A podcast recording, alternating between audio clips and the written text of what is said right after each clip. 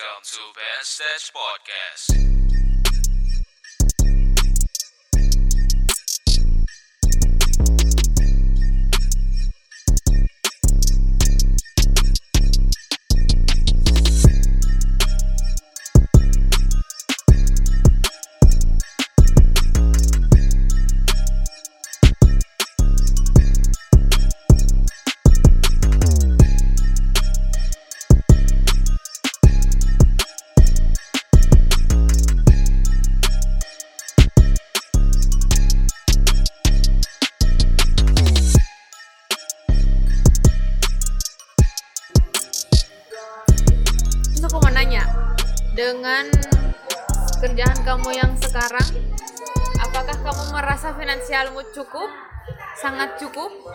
Eh, apakah finansialmu sangat cukup?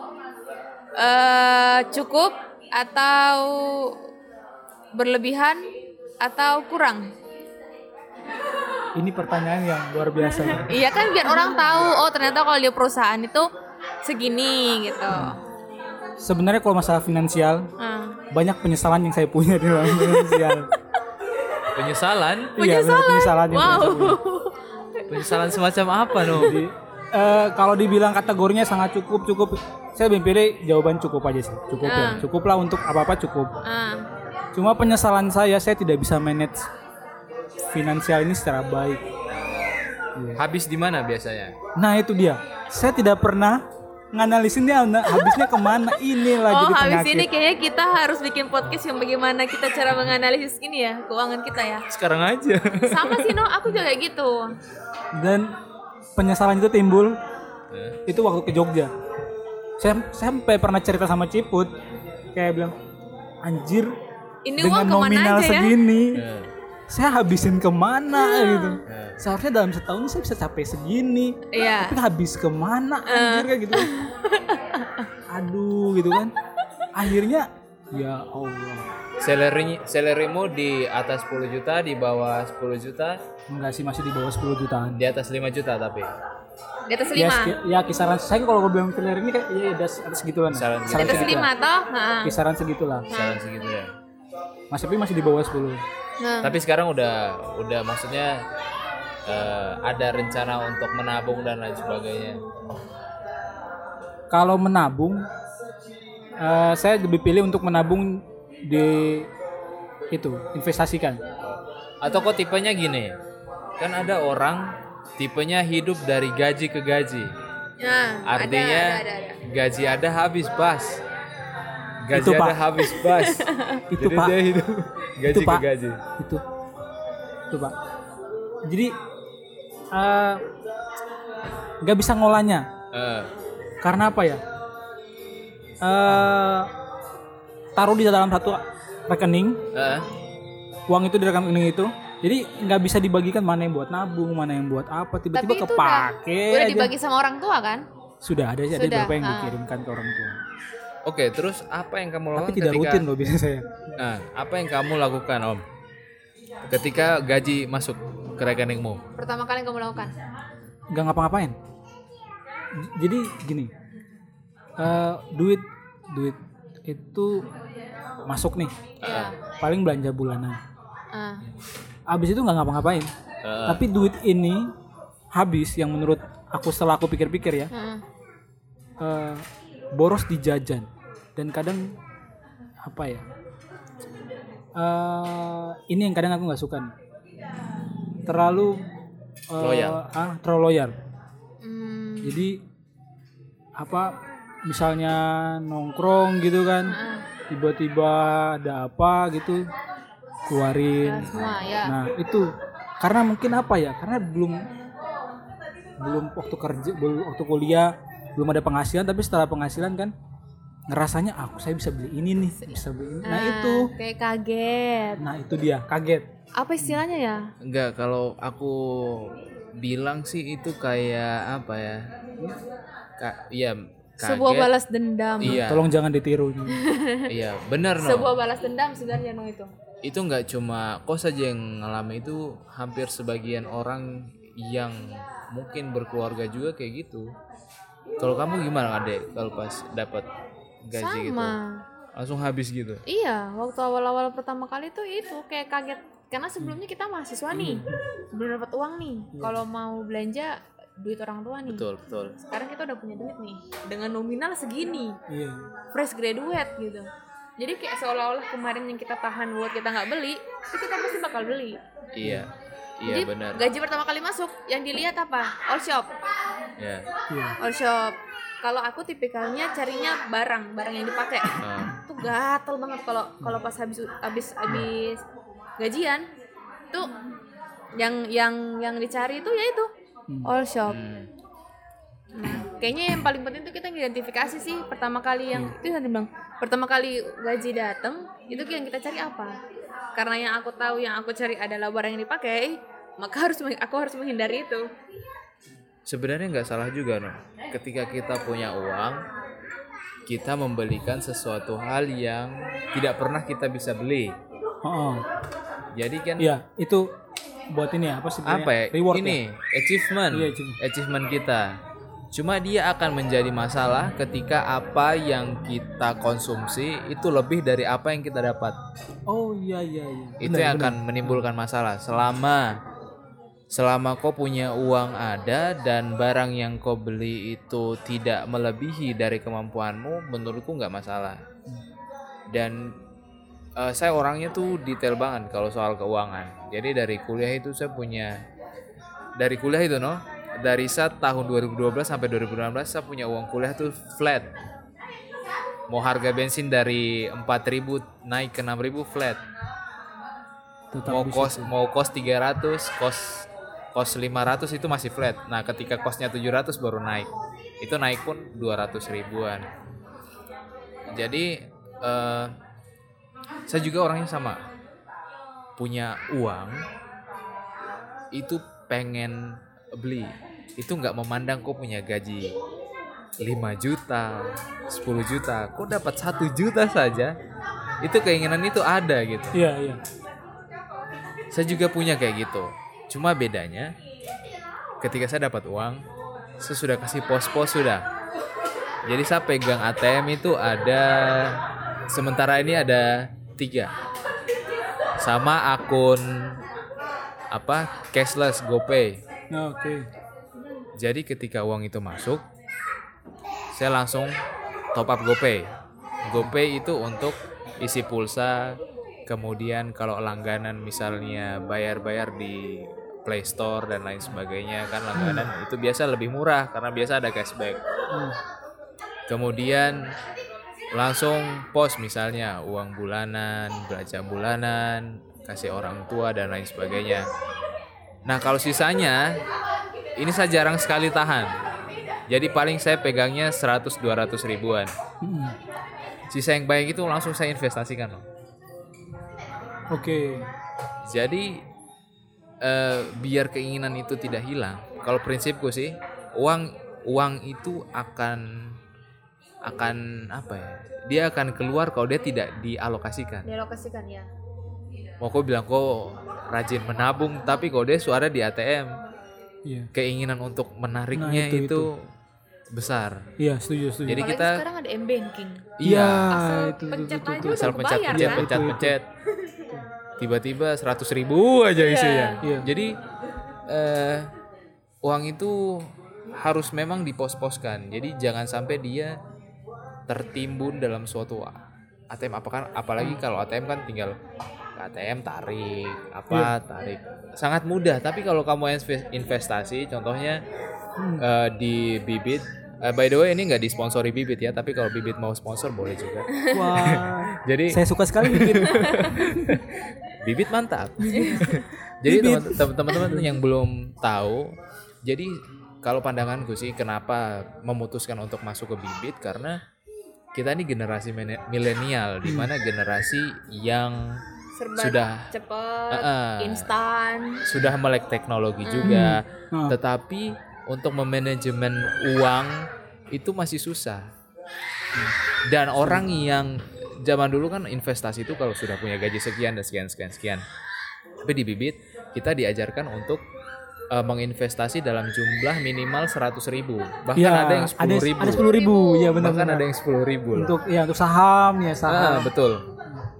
Nah, kenapa berani? Ya itu tadi? Karena sadar bahwa eh, uang itu memang harus kita punya pegangan tabungan. Entah untuk dana darurat, entah untuk something yang yang kita butuhkan secara tiba-tiba. Hmm. Atau enggak biar kita punya simpanan gitu loh. iya benar Toh simpanan itu untuk kita lagi toh. iya benar Heeh. Nah, jadi ini salah satu manfaat sih. Jadi bulan ini tuh saya nggak dapat gaji loh. Tapi selama 8 bulan, eh se- selama empat bulan kemarin tuh saya nabung dari uang gaji sekolah itu. oh ke- maksudnya kok nggak dapat gaji maksudnya Heeh, karena baru Jadi bulan ini dia belum dapat gaji bulan Oh. ini dia belum dapat gaji Hmm. Tapi om ini kan baru satu bulan ya Belum. baru eh, baru masuk Bulan berapa pertama. masuk baru baru masuk bulan pertama dan itu belum digaji heeh. oh dan itu belum digaji nah empat bulan sebelumnya dia tuh udah nabung di bibit oke untuk persiapan empat bulan enggak. untuk nabung untuk nabung Nabung jangka waktu panjang itu. jangka waktu panjang Hmm. Nah baru dapat manfaatnya itu ketika yang kayak gini Heeh. doi belum dapat gaji akhirnya diambil dari uang dia nabung di situ. Di bibit ya? Di bibit itu. Oke. Nah, diambil dari situ ya sudah. Eh, tapi nggak ditarik semuanya. Tarik sesuai kebutuhan aja toh. Iya. Dan pas kemarin lagi corona ya Iya. jadi obligasi saham semua turun. Wah saya malah nggak tahu. Oh nggak tahu ya? Itu pas presiden bilang di Indonesia positif dua orang corona Heeh. itu Langsung saham bisa. terjun bebas no? Nah, yang awalnya 4% itu jadi satu persen buset Tapi minus sah- minus ya? Iya, Minus. tapi kalau saham itu semenjak eh, Wuhan Wuhan itu banyak penderita corona terus menyebar ke Eropa dan lain sebagainya. Itu saham juga turun. Turunnya turun parah itu. Nah, beberapa hari yang lalu eh, salah satu konsultan keuangan bilang kalau eh, sebelum ini ya, sebelum Indonesia bilang eh, bahkan akan ada krisis dalam artian saham-saham itu akan terus menurun gitu. Nah kalau saya analisis setelah eh, itu dia selesai, maksudnya eh, Kasus ini ya? berita-berita tentang saham itu turun selesai, kemudian muncul berita kalau beberapa orang yang terkena corona itu ada yang sembuh. Hmm. Nah itu baru mulai naik, Naik lagi, lagi. dia. Oke aku termasuk orang yang panik loh aku narik semua duitku di bibit Iya, jadi saham turunnya terjun bebas itu karena terjadi panic selling, no. Jadi orang nggak mau rugi toh, mau makanya rugi. dia langsung beli narik semua. narik uangnya semua terus turun Tapi kalau saya bilang, aduh ambil sebagian saya toh investasi kan untuk jangka panjang. Kalau dilihat secara jangka panjang kan dia pasti naik terus. toh. Hmm. Dan bener naik. naik Hmm. dia naik terus Naik. akhirnya aku nabung lagi. Gara-gara punya dia naik. Dan dan masalah naik itu tuh saya juga pas kemarin lihat tuh Eh, ih kok bisa naik 15 persen? Eh, gila. Ah ya masukin lah. Iya. menarik ini. Tadi kita sampai ke mana tadi ya? Tapi kalau misalnya tadi yang nih, tadi sampai di mana tadi? Apa? Itu saham naik itu, bukan tadi sebelumnya tadi itu tuh. Terkait finansialmu Iya, trade bisa. itu. bisa nah itu, ya itu diinvestasikan. Diinvestasi kan lebih baik sih Tapi mindset kita saat menginvestasi itu adalah uang yang tidak akan kita kita pakai. pakai ya setuju Bukan uang yang ketika kamu mau beli gadget nih, Hmm. simpan aja lah di bibit. Bisa juga, tetapi kalau kalau misalnya kayak gitu kan kita punya kecenderungan untuk ngambil. ngambil. Iya. Tapi kalau kita untuk tabung ya sudah misalnya hari ini semua alokasi eh gaji ini gaji bulan ini alokasinya udah terpos-pos dan ada uang sisa ya sudah masukkan masukkan. Karena lumayan misalnya nih no punya aku itu eh, sekarang returnnya udah naik ke 4,11 persen. Hmm. jadi kalau kamu misalnya punya uang 5 juta aja 5 juta terus dikali 4 persen itu sekitar berapa 200 ribuan iya ya segitulah 200 ribuan lumayan apalagi kalau kamu punya 10 juta Hmm. Jadi sejauh ini sepengalaman empat bulan ini katanya reksadana itu bisa untungnya dalam setahun sekitar 6 sampai 7 persen. Iya. Dan kemarin saya baru lihat, saya lupa, itu di saham yang kenaikan 15% itu. Jadi kan ada dia punya analisa ya, Betul. Nah, analisa dalam satu tahun tuh. nah, Kalau kita tabungnya aja satu juta per bulan, itu kan sebenarnya dalam satu tahunnya 12 juta ya. iya. Nah, tapi karena 15% kalau nggak salah jadi 13 jutaan. 13 bisa sampai bisa sampai 14 ya. Iya. Itu kayak apa? Eh, perkiraan. Nah, itu luar biasa tuh. Luar itu kalau biasa, kamu teman. dia beranak itu loh. kalau kamu Sa- kamu nabung sejuta tiap bulan. Iya. Bayangkan kalau kamu nabung nabungnya 2 juta. Iya, bisa 2 lebih juta, banyak bisa lagi. lebih daripada itu. Beranaknya luar biasa loh. Tapi kita kita eh bukan kita sih, maksudnya Mas Ibnu ini pertama kali menentukan investasi di bibit butuh waktu lama juga ya. Searching cari investasi Cari investasi ini yang- legal apa Iya, segala Legal macam dia wasi OJK dipelajari. apa enggak ya? Oke. Sampai akhirnya kayaknya bener nih sudah kasih masuk uang. Tapi yang harus aku nyoba. Tapi yang harus diingat oleh teman-teman adalah ketika kita invest, kita tuh nggak nggak nggak selalu untung gitu. Barang itu naik turun. Hmm. Ketika returnnya misalnya positif, nah itu kita dapat uang, dapat return lah. Itu returnnya eh, dividennya terserah mau 5% tergantung dari pengelolaan manajer eh, manajer keuangannya. Tapi uang kita bisa berkurang juga Hmm. kita misalnya top upnya satu juta Hmm. eh ternyata saham kita turun misalnya satu persen kita dapatnya jadi 980 ribuan nah itu bisa terjadi Hmm. makanya teman-teman eh, di dalam bibit itu kita akan diberi survei Hmm. jadi ada skala 1 sampai 6 kah 1 sampai 10 ya Tergantung dulu. resiko profil resiko namanya Hmm. Jadi kan nanti ditanya kamu gajinya per bulan berapa? Iya. Terus ketika pasar sedang turunnya apakah kamu kuat Nabung melihat lagi. iya, kuat melihat keadaan itu. Terus kalau misalnya pasar lagi turun apa yang kamu lakukan?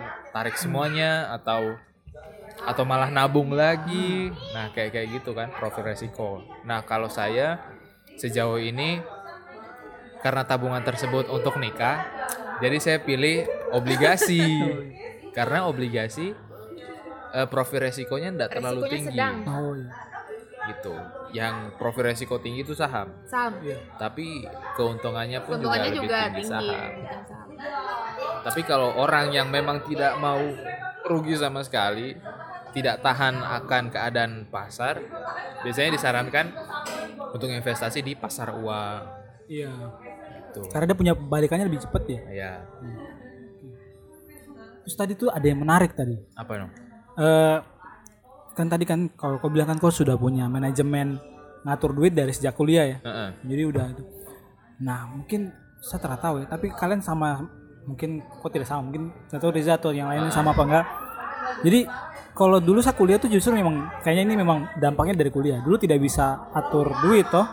Dan mengha- dan mindset yang salah gitu mindset yang salah tuh misalnya kalau ketika tidak ada duit bisa langsung minta ke Orang tua. nah ini yang membuat saya tuh tidak punya limit saya harus batasin keuangan di mana Iya, iya, iya, iya, betul, betul. dan saya nih, maksudnya ada yang punya kesamaan tidak tuh Hmm. terhadap itu termasuk meresahkan juga setelah aku kerja kan karena kemarin tuh saya baru nonton salah satu YouTube-nya Raditya Dika Heeh. terkait finansial sama Mbak siapa saya lupa. Mbak Nisa, Nah, Mbak Wina, Ligwina. Wina. Nah, jadi buat Mbak Wina tuh dia mengkategorikan ada empat kan, empat tahap itu ya. Heeh. Salah satunya kan eh, ketika orang bisa manage duit itu dari mulai pertama itu bukan menabung ya, tapi menghasilkan kan dia bilang. Eh, menghasilkan, dulu menghasilkan. baru bisa menabung. Nah, menghasilkan, berbelanja, kemudian donasi kan, Oh iya, baru terus sampai ke menabung. menabung. Iya. Iya. Dan waktu itu saya lihat, ini benar-benar ini benar-benar relate ini. Heeh. Karena waktu kuliah kan relate kan. waktu kuliah nggak nggak ada menghasilkan, iya kan? benar. Nggak ada menghasilkan. Jadi cuma taunya berbelanja tapi tidak bijak karena tidak Ah. punya Limitnya itu. limitnya. Heeh. Akhirnya makan lah, tidak membuat anggaran dan akhirnya jadi kacau dan ini rasanya sekarang. Eh, Saya aduh kacau juga. Dan kenapa saya mungkin di sekarang ini saya lagi merasakan yang namanya panik finansial. mhm. Punya panik finansialnya karena gini. Kau sama Gisel kan udah boleh nabung buat nikah. Eh, Dan target saya tahun Depan. depan. Iya kan? Kan kita nggak pernah tahu kan apa Iya, yang akan betul, betul, terjadi. Sekarang makanya saya pikir kayak memang harus segera iya. fokus ke ada finansial ini. Tapi tidak ada kata terlambat no. Iya benar. Tidak ada. Iya. Jadi kita menabung di investasi itu agar tabungan kita tuh lebih produktif ibaratnya.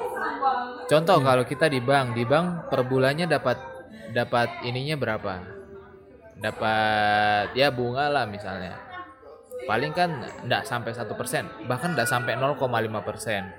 Tetapi setiap bulan kita membayar uang administrasi itu kadang sampai 14.000 ribu Iya. untuk basic aja toh.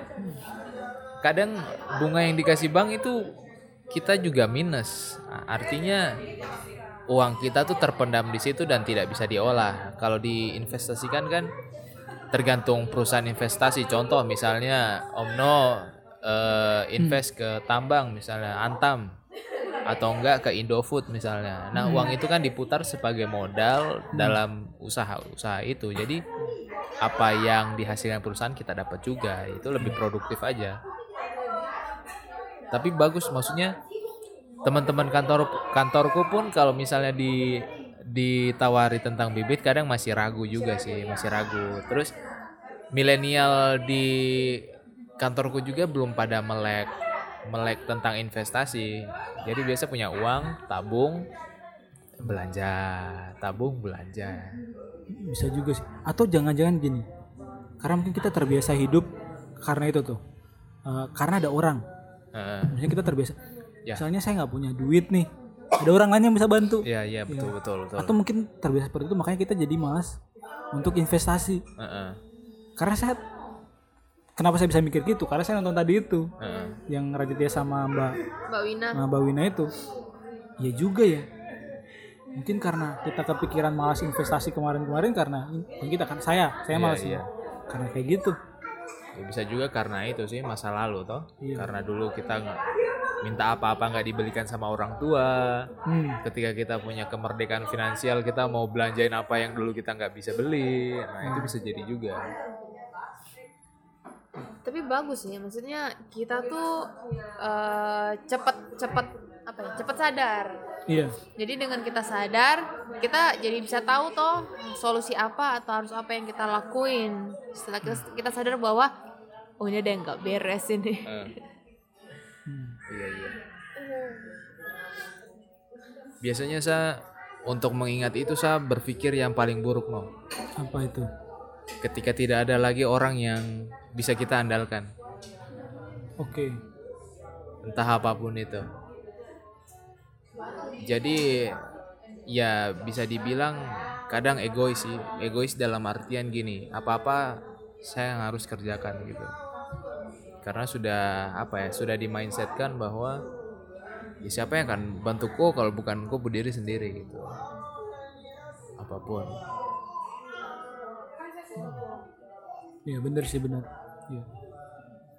Jadi teman-teman yang kalau misalnya berminat untuk investasi di bibit, nanti bisa entry referral code dari dari saya nanti saya kasih referral code lumayan dapat cashback Tapi kok lima puluh sudah, ribu. Novit sudah punya akun. Sudah. Ya, harusnya pakai referral kita ya, coba Ya, kayak dapat cashback. pakai ref- referral nggak? Biasa dapat cashback. Cashbacknya lima puluh ribu. Lumayan kan. Jadi teman-teman yang mau nanti masuk ke akun bibit terus nanti isi kode referral nanti kamu langsung dapat cashback lima puluh ribu. Ada kode referralku juga. Ya. Kamu juga kayaknya punya no. Kalau sudah Punya, punya, punya, akun pasti punya orang. referral. Saya nggak tahu ceknya di mana. Jadi bagi-bagi Bagi-bagi rezeki. rezeki. Oke. Jeng jeng jeng. Ada lagi yang mau diomongin? Sudah. Sudah? Iya. Oke, Kalau pertanyaan ter- dikasih waktu lagi nanti aku makin nanya Novit yang aneh-aneh. Wah, kayaknya pertanyaan itu bisa di luar podcast ini mungkin ya. Eh, Di luar hujan. iya di luar lagi hujan sih. Ini deh. Pertanyaan terakhir. Eh, apa yang akan kau lakukan setelah ini, No? Apa yang harus kau lakukan? Dalam artian eh, sudah bekerja dan lain sebagainya. Apa kira-kira selanjutnya? Setelah ini kok mau apa gitu dong? Gak tahu cuy. Gak tahu mau ngapain. Anda tidak mau menikah? Hah? Anda nggak mau menikah? Pasti mau. Oke, itu jalan menikah ya kita melihat dalam ya jauh lah misalnya punya target apa. Oke, kalau ke depannya masa belum tahu. Tapi Ah. ada sih satu-satu planning yang sudah saya rencanakan dan sudah saya anggarkan, anggarkan di luar nikah loh. Oke. Iya iya, nikah tuh kan semua orang punya target Iya. lah. Dan saya udah mulai anggarkan. Itu saya berpikir em, karena saya setelah nonton finansialnya Raditya Dika ya. Hmm. Salah satu cara biar finansial kita baik adalah dengan meninggikan pemasukan dan Ya. men- Ya. Jadi saya pikir untuk menaikkan pemasukan dengan buka usaha sendiri. Oke Oke baik. baik. Nah, kepikiran sih. Iya. Nah, cuma belum tahu bakalan relate nggak nanti berapa karena saya belum belum belum ini Iya iya iya. belum baru dimerencanakan. Hmm. Cuma kira-kira tahun depan atau tahun-tahunnya lagi masih bisa digunakan apa enggak ya? Gitu. Aku pengen berbagi tips karena aku juga jualan cuy. Nah, ini menarik. Kira-kira gimana? Ini nih, kalau kalau saya saya ceritain dulu ya. Nah, Jadi saya berpikir gini. Karena kita masih muda, Hmm. saya pengen usaha yang dekat dengan anak muda aja. Iya. Ya. Ya salah satunya adalah buka kafe. Heeh. Ah. Kafe tapi ya bukan kafe yang misalnya kayak gini yang harus uh, prepare banget yang Iya. cuma istilahnya yang orang datang take away aja. Heeh. Datang pesan ibaratnya kayak Franchise ya? Iya, kayak misalnya yang lagi ngehits banget ya. Ini kalau disebutin kena sponsor nggak nih? Sebutin aja. Sebutin aja. Contohnya kayak misalnya janji jiwa. Heeh. Ah. Dia hanya membuka kayak minuman yang orang siap datang Iya, take away, ambil pulang. Nah. Pengennya kayak gitu. Bayar, bayar maksudnya, ambil pulang. Ambil bayar pulang Iya. gitu. Iya. Pengen kayak gitu. Cuma pikirannya gini. nggak bisa langsung saya tuh bu- tipikalnya nggak bisa langsung eksekusi. Saya harus lihat dulu Iya iya. kira-kira angkanya ya. berapa. Hmm. Angka, karena setelah saya pelajari-pelajari bahwa ketika kita bisnis itu kita harus lihat semuanya dari angka. ya kan? Mulai dari produksinya berapa, Hmm. kemudian baliknya berapa kan. Saya lihatnya ke situ dulu. Heeh. Makanya butuh proses lama. Mungkin eksekusinya setelah balik cuti berikutnya. Cuma lihat dulu.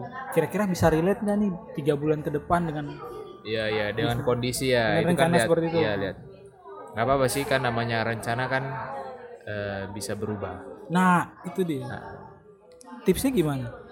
Kalau kalau model franchise franchise kayak yang no apa no, eh, apa Om No bilang, aku sih bisa bagi tips itu dari tips temanku. Jadi temanku juga tuh ada yang franchise franchise minuman juga. Mm-mm. Bahkan dia franchise kalau menurutku sih dia franchise minuman ini termasuk berani sebab minuman yang dia franchisekan ini adalah minuman sejuta umat. Apa itu? Tea, Wow. tahu tea? Sekarang kan orang Wow. jualan tea dengan macam-macam merek ya. Iya, Sangat-. Macam-macam merek kan ya. Nah, Sangat mudah ditemukan di mana-mana. Nah, cara dia adalah bagaimana dia bisa menemukan franchise dengan resep yang enak, Heeh. tidak kalah dengan yang harganya mahal. Jadi dia jualnya di bawah harga. Tetap dia jualnya di Berani bawah ya? harga. Istilahnya Thai tea kaki lima gitu lah. Heeh. Karena kan orang tahu sekarang Thai tea yang paling enak apa? Dum dum ya. Dum dum dum yang aku tahu dum dum lah, Thai tea yang enak tuh kan Apa itu, Pak? Saya nggak tahu itu kelamaan apa. di hutan. Nggak tahu dum dum. Nah dia jual yang sejenis seperti itu dengan merek yang berbeda yang jelas dan harganya memang lebih rendah.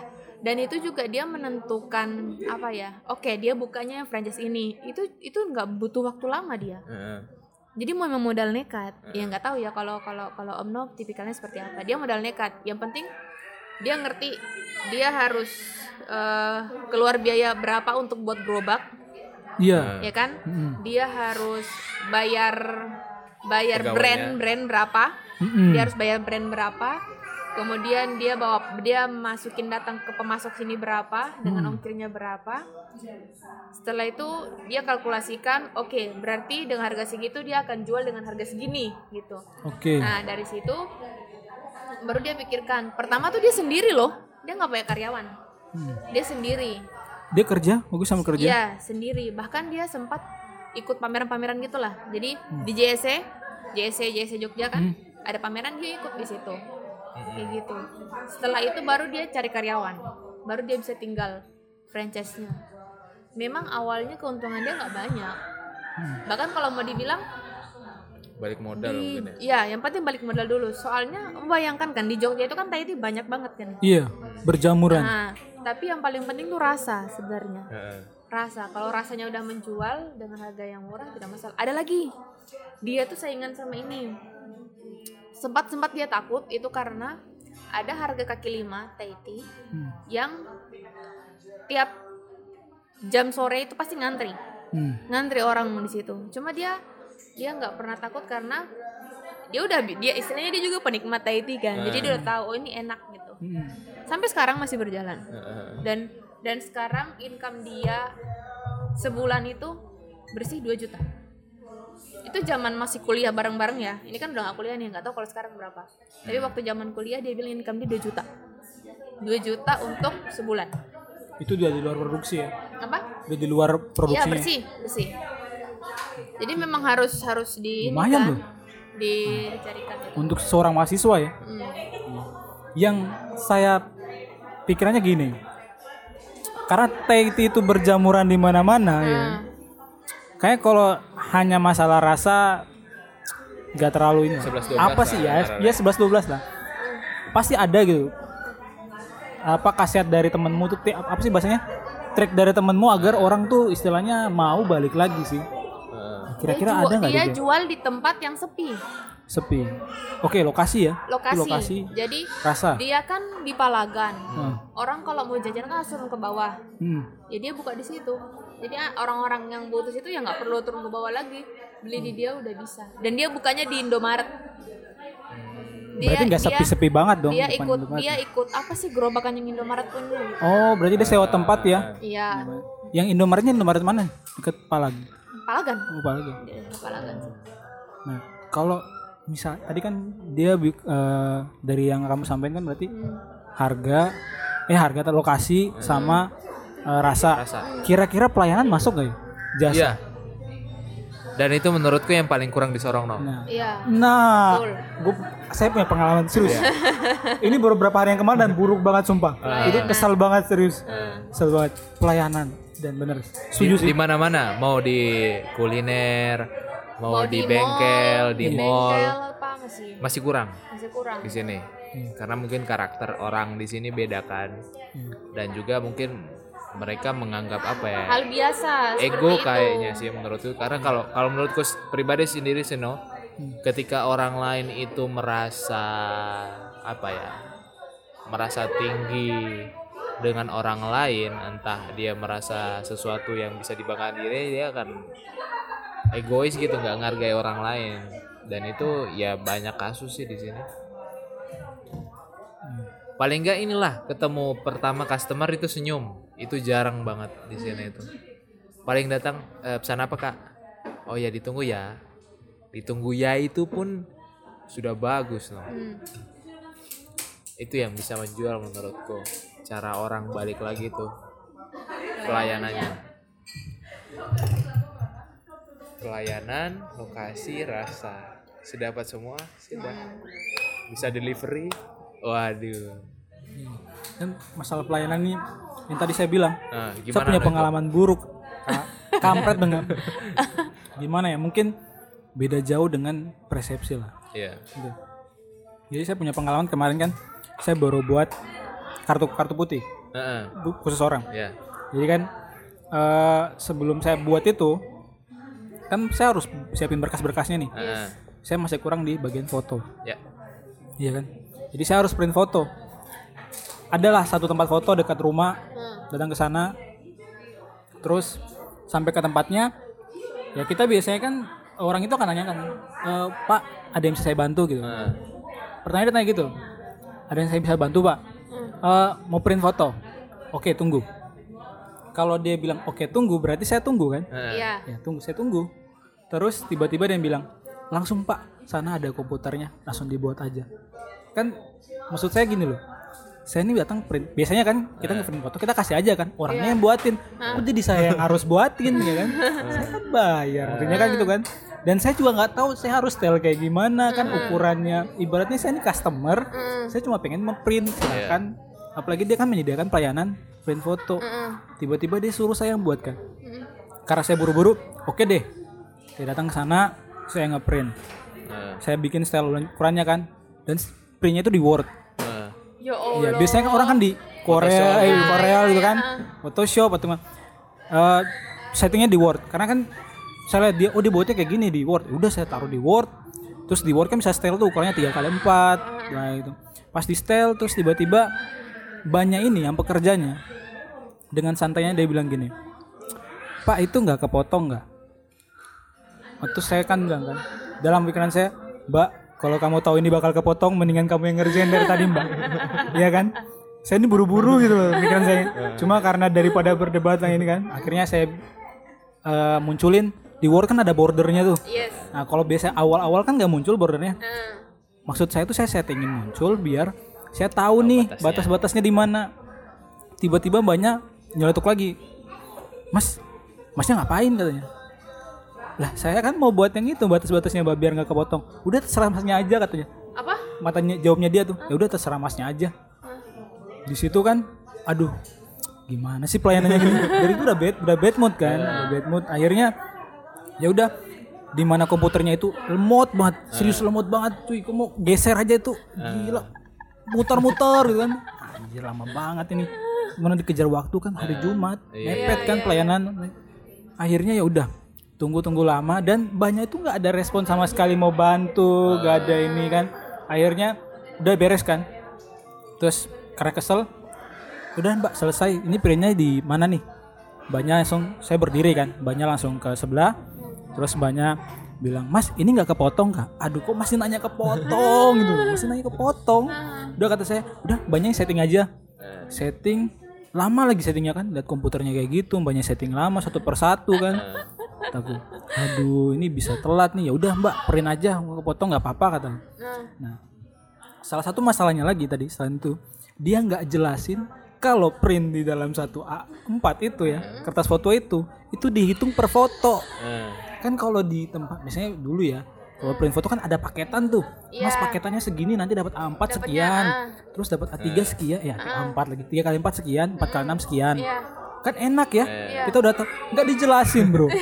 Udah di print baru bilang mas tadi tiga kali empat berapa ya? Terus dua kali tiga berapa empat kali enam berapa? Terus tiba-tiba dia bilang "Eh, saya jawab kan jumlahnya sekian sekian sekian. Terus dia bilang oh lima puluh ribu. Hah? Kok nggak dijelasin dari awal? Tiba-tiba udah main lima puluh ribu aja kan ini kacau ini udah udah kayak gitu akhirnya. Udahlah dalam dalam hati tuh besok kamu print sini lagi lah. Udah blacklist. Iya iya iya. karena gara-gara pelayanan gitu doang tuh emang pengaruhnya kuat Iya, banget. nggak nggak nggak transparan ya. iya. Dari awal kan pikiranku tuh tinggal duduk nunggu. Ya kan bisa gitu kan. Tinggal milih. Tahu-tahu kita yang buat udah gitu pelayanan nggak enak kita yang setting nggak ada inisiatif kan. Bete kan pastinya kan Betul betul.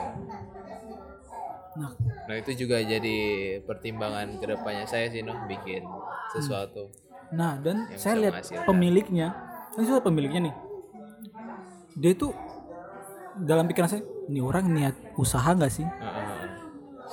Pas yang pasti kan orang datang, customer datang itu ya kamu kasih pelayanan, nunjukin pelayanan yang baik agar customer ini mau balik kan. Iya. iya. Ini nggak santai, slow kayak ibaratnya tuh ya saya usaha usaha aja nggak ada gitu. masalah gitu. Nggak ada Di masalah mau sini kalau nggak ngegas nggak baru nggak baru nggak maju ininya. Nah, terus saya ceritain ke diceritain sama sama Cel, Nah. sama sama mama di rumah. Jadi pas ceritain ke mama sama mama bilang gini, ya itu salahnya kamu. Kenapa kamu nggak bilang? Nggak usah kamu nggak pakai gak enak gak enakan itu kan. Mau pakai lama-lama, ya langsung di komen katanya. Akhirnya kamunya ini bodoh-bodohin kan, biarin gitu. Ya juga sih katanya. Ya, Cuma sebel aja ya. Iya kadang buka usaha tanpa kemampuan juga susah. Kan kayak cetak foto kan paling tidak dia harus tahu ukuran foto, gimana cara crop yang bagus. Kalau gambar kabur gimana editnya? Nah, masalahnya saya tuh kan orang datang kan customer datang nih dia cuma pengen apa? Ya kita sediain kan. Ya, kita Iya. jasa buka jasa print foto ya otomatis ketika dia minta print foto ya kita sediain itu jasa print printannya bukan ki- kita datang tiba-tiba customernya yang disuruh print Iya kan? Itu konsep Enggak, mungkin lagi seperti enggak apa mood, gitu. lagi enggak mood itu. Aduh, saya juga Ya, ibaratnya itu, no. kayak Yang kamu- mana sih no? Sebutin aja no. Biar teman-teman kita nggak ke sana jangan dong itu ada Mematikan rezeki orang yang macam yang pasti ya nanti bisa merasakan lah. Ya ibaratnya kayak misalnya kamu ke mana lah kamu ke apotek tiba-tiba mbak saya pengen beli obat ini. Ya udah ambil aja sendiri mas. Dari belakang. ada obatnya di sini ya kan nggak nggak masuk akal ya kan kesel ya gitu gitu jadi teman-teman nggak usah print foto daerah kilo 12 ya. Iya, eh, jangan dong. Nggak usah. Pindah pindah. Kilo 10 aja. Kacau ini. Kacau. Sumpah itu itu bikin aduh. Sa bikin bikin bad mood di sepanjang hari itu. Cuma gara-gara gitu aja. Saya juga ada pengalaman no waktu itu mau daft eh bukan daftar. Mau bikin kartu NPWP kan harus fotokopi KTP toh. Fotokopi KTP nih. Nah saya fotokopi itu dekat pasar. Hmm. ibu-ibu. Eh dia ngeprint bu mau fotokopi KTP eh, KTP-nya bolak-balik aja nggak usah dipotong. Oh iya mas. Taruhlah KTP tes. Terus di di fotokopi di atasnya sini. Nah terus eh, baliknya di bawah sini. Nah, terus saya bilang bu nggak usah digituin di kanan kiriin aja. Oh iya mas. Sudah. Terus dia bikin lagi fotokopi yang keluar apa? Hasil yang pertama dong. Aduh. udah rugi waktu. Mbak, ini gini loh Mbak. Kartunya satunya di sebelah sini, satunya di sebelah sini, jangan di atas bawah. Oh ya Mas, maaf. Bikin lagi dia. Print satu sini, tes. Terus dia balik toh. Balik. Kartunya dia masukin lagi. Kertasnya yang tadi. Biar satu kertas toh. Heeh. Terus dia print, dia print. Kepotong pak, kepotong. Mbak, ibu luar biasa ibu buat ibu yang Buat ibu yang mendengarkan maksudnya kita ini. ke fotokopi KTP loh, yang semudah itu loh. Tinggal pindahin ke sini ke sini. Jadi ini kan kepotong. Terus dia bilang gini, kak ini dia minta gini, eh, fotonya kanan kiri gini. Eh, gimana? Saya oh ya sudah, sudah dia fotokopi yang pertama toh, dia fotokopi pertama. Terus kau tahu apa no? Yang difotokopi fotokopiannya, bukan kartu KTP aslinya no. kok luar biasa sekali dia wah sangat inovatif Ya Allah. Jadi saya punya KTP tuh terang Wah, ini- satu aja, satunya gelap. Jadi ibunya bisa jadi kreatif of the year ya iya, jadi gini loh, kartu kan satu toh. Print sini kasih masuk, print sini. Tapi dia enggak. Print sini hasil fotokopiannya dipotong taruh sini nih depannya. Terus yang asli di sini belakangnya gini. Nah aslinya memang jadinya depan belakang tapi satunya fotokopi gelap gitu loh. Gak jelas. dan akhirnya Ya Terima sudah saja lah itu sudah. aja lah. Seribu nih. seribu Seribu tapi ha- menghabiskan waktu 15 menit untuk KTP doang cuy. yang saya bingung pengalaman ya. Itu print printan eh fotokopian. Fotokopian. kalau dulu kalau nggak nggak nggak salah ya mungkin bukan di sini. Saya kita di yang waktu kita zaman kuliah ya Jawa Jogja ya. Itu print sama fotokopian harganya kan hampir sama ya kalau hitam putih. Ya. iya. Kan? Harganya hampir sama kan? Ini pengalaman kemarin. Jadi setelah dari situ ternyata waktu bikin pak kartu putih itu butuh fotokopi ijazah Heeh. Saya lupa baru keinget di dalam flash disk ada CV Heeh. Ya. mau print kan? Print hitam putih aja. Lima ribu. bayar sepuluh ribu. Heck? itu saya print empat lembar sih. Tapi masa sepuluh ribu? Ini print loh ibaratnya sama kayak fotokopi saya Tinta setelah mahal cuy. setelah dengar kan eh berapa ya pak? Sepuluh ribu mas. Seriusan dalam hati nih. Tapi ya udahlah buru-buru daripada tutup kan? Masalahnya harga tinta sama hal itu sekarang. Gara-gara corona. Enggak kan? Sepuluh ribu bro. Empat lembar Kok nggak doang. komplain? enggak enggak. Itu karena saya buru karena buru-buru. Nah, empat ribu bayangkan. Ya Nah. astaga. Nggak tahu bisa kelangkaan. Masker aja kan dari 15 sampai Iya. Tiba-tiba 300 Gila gara-gara corona Itu nggak masuk akal itu kamu sih. Enggak, itu nggak masuk nggak masuk akal sih. Maksudnya masa bedanya signifikan cuma ngeprint doang mah bayar biaya listrik lagi. itu kamu dikerjain loh. iya sepuluh ribu cuy Mukamu kayaknya polos banget waktu itu kayaknya. Tidak, dia tahu ini banyak duitnya, ini orang pekerja. nggak tahu juga kan dia kasih kan gitu set Eh, fotokopi ya pikiran orang buru-buru ya terus di fotokopi yang lain saya print dengan harga yang eh, print dengan kualitas eh, Kualitas yang kualitasnya sama. sama jumlahnya 4 itu bayarnya eh sorry beda satu lah eh, jumlahnya satu empat yang, yang pertama empat yang kedua tiga Hmm. eh. itu selisih lima ribu yang itu bayar lima ribu yang pertama bayar sepuluh ribu ribu. kok bisa ini tapi tempat yang berbeda oh, besok ini kayaknya mau naik haji nih Eh, Iya. Iya. Printernya limited edition. gila ini gara-gara corona apa gimana nih bayangkan tinta bisa semahal itu tinta hitam Kalau saya nggak akan bayar tuh. Saya nggak bayar. sumpah bisa se terus yang dari ceritamu itu tadi kan saya kepikiran apa jangan-jangan sekarang orang usaha tuh asal punya modal tapi nggak Ya. prepare gitu Ya. maksudnya apa yang mau dia ju- mau dia layani gitu Iya. Kebanyakan dia. kayak gitu loh. siapin kayak tadi aja masa dia buka tempat percetakan tapi dia nggak tahu cetak KTP Iya, ya aneh kan Serius, serius. ini kamu buka tempat percetakan kan ada tempat fotokopi ya fotokopi tuh ya mungkin kalau dia fotokopi yang Canon besar mungkin agak ribet lah mungkin tapi kalau dia fotokopi yang kayak misalnya yang kecil yang bisa kita bawa di mana-mana itu ya itu kan tinggal tempel geser iya kan Iya. Ya, tempel geser Itu aja. seandainya Mbak, kalau saya kasar ya, Mbak kok pindah, saya yang print sendiri. Bagus loh. Kalau kasar ya. Itu pun saya datang juga dia lagi main HP. Mbak fotokopi. Jadi ada tiga detik gitu dia balas chat di dalamnya gitu. kayak misalnya kamu nih yang harus nunggu aku nih Heeh. bukan tiba-tiba nih dia yang nunggu kita kan soalnya mereka yang nunggu kita kan kita datang mereka yang layani kok sekarang pelayanan kayak gitu ya Ya gimana nih yang lagi bekerja di bidang pelayanan apakah memang trennya seperti beda itu? dong pelayanannya. Kerja di tempat pelayanan tuh tuh harus senyum. Harus senyum. Terus kalau orang nanya ulang-ulang ya kita harus jelaskan ulang-ulang, harus Harusnya. sabar. Harusnya nggak sih?